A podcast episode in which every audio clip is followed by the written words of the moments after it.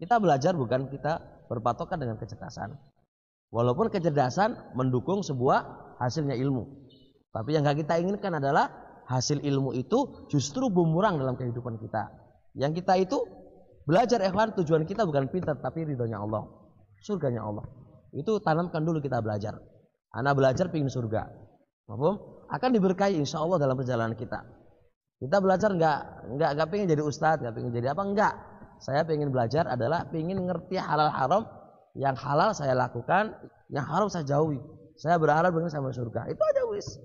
Akhir nanti mau jadi apa itu terserah Allah. Anak enggak itu jangan jadi pilihan antum mau jadi besok mau jadi ustadz kak itu urusannya Allah kita nggak nggak nggak nggak mikirin itu yang kita pikirkan adalah yang penting saya belajar saya ingin menjadi penerang dalam hidupku dan penerang kepada orang lain insya Allah dengan jalan niat ini berkah insya Allah dalam kehidupan